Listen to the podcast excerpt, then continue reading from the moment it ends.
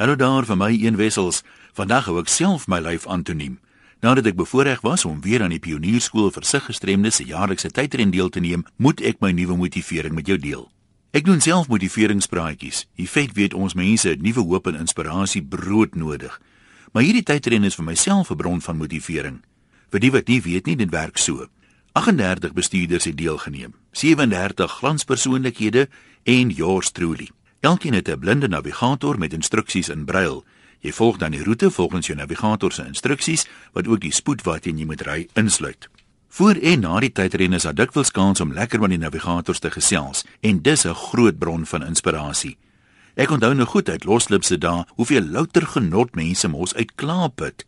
Om hier 'n verskil te maak, is juis hoekom ek in die eerste plek my motiveringspraatjies begin ontwikkel het.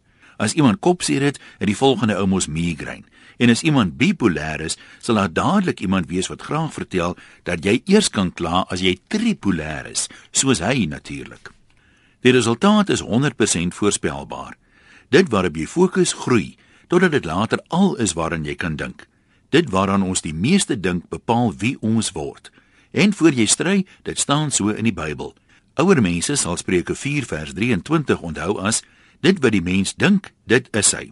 As jy dus net aan probleme dink, raak jy later letterlik self 'n probleem. Mense se verskoning hierop is altyd dat dit onmoontlik is om positief te wees te midde van misdaad, korrupsie, die droogte, werkloosheid, die vrotsige ekonomie ensovoorts. Regtig?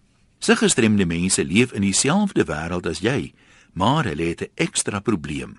In plain Afrikaans, hulle is blind. Hoekom het jy wat wel kan sien dan meer rede om te kla as hulle?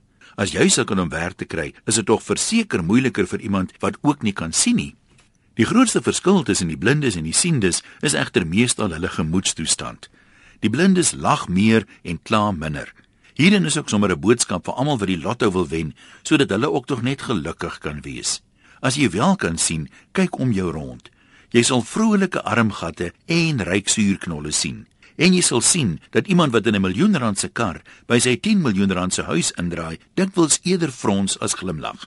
Daar's in Hollywood niks minder ongelukkige mense as in Mesquite nie.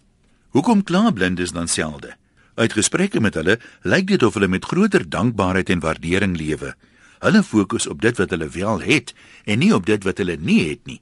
En soos ons gesê het, dit waarop jy fokus groei sodat hulle dan mense word wat met dankbaarheid lewe. Uitdagings bou wel karakter en saamkla om die braaivleisvuur bevestig weer dat die witbrood onder jou arm jou baie seer kan skaaf.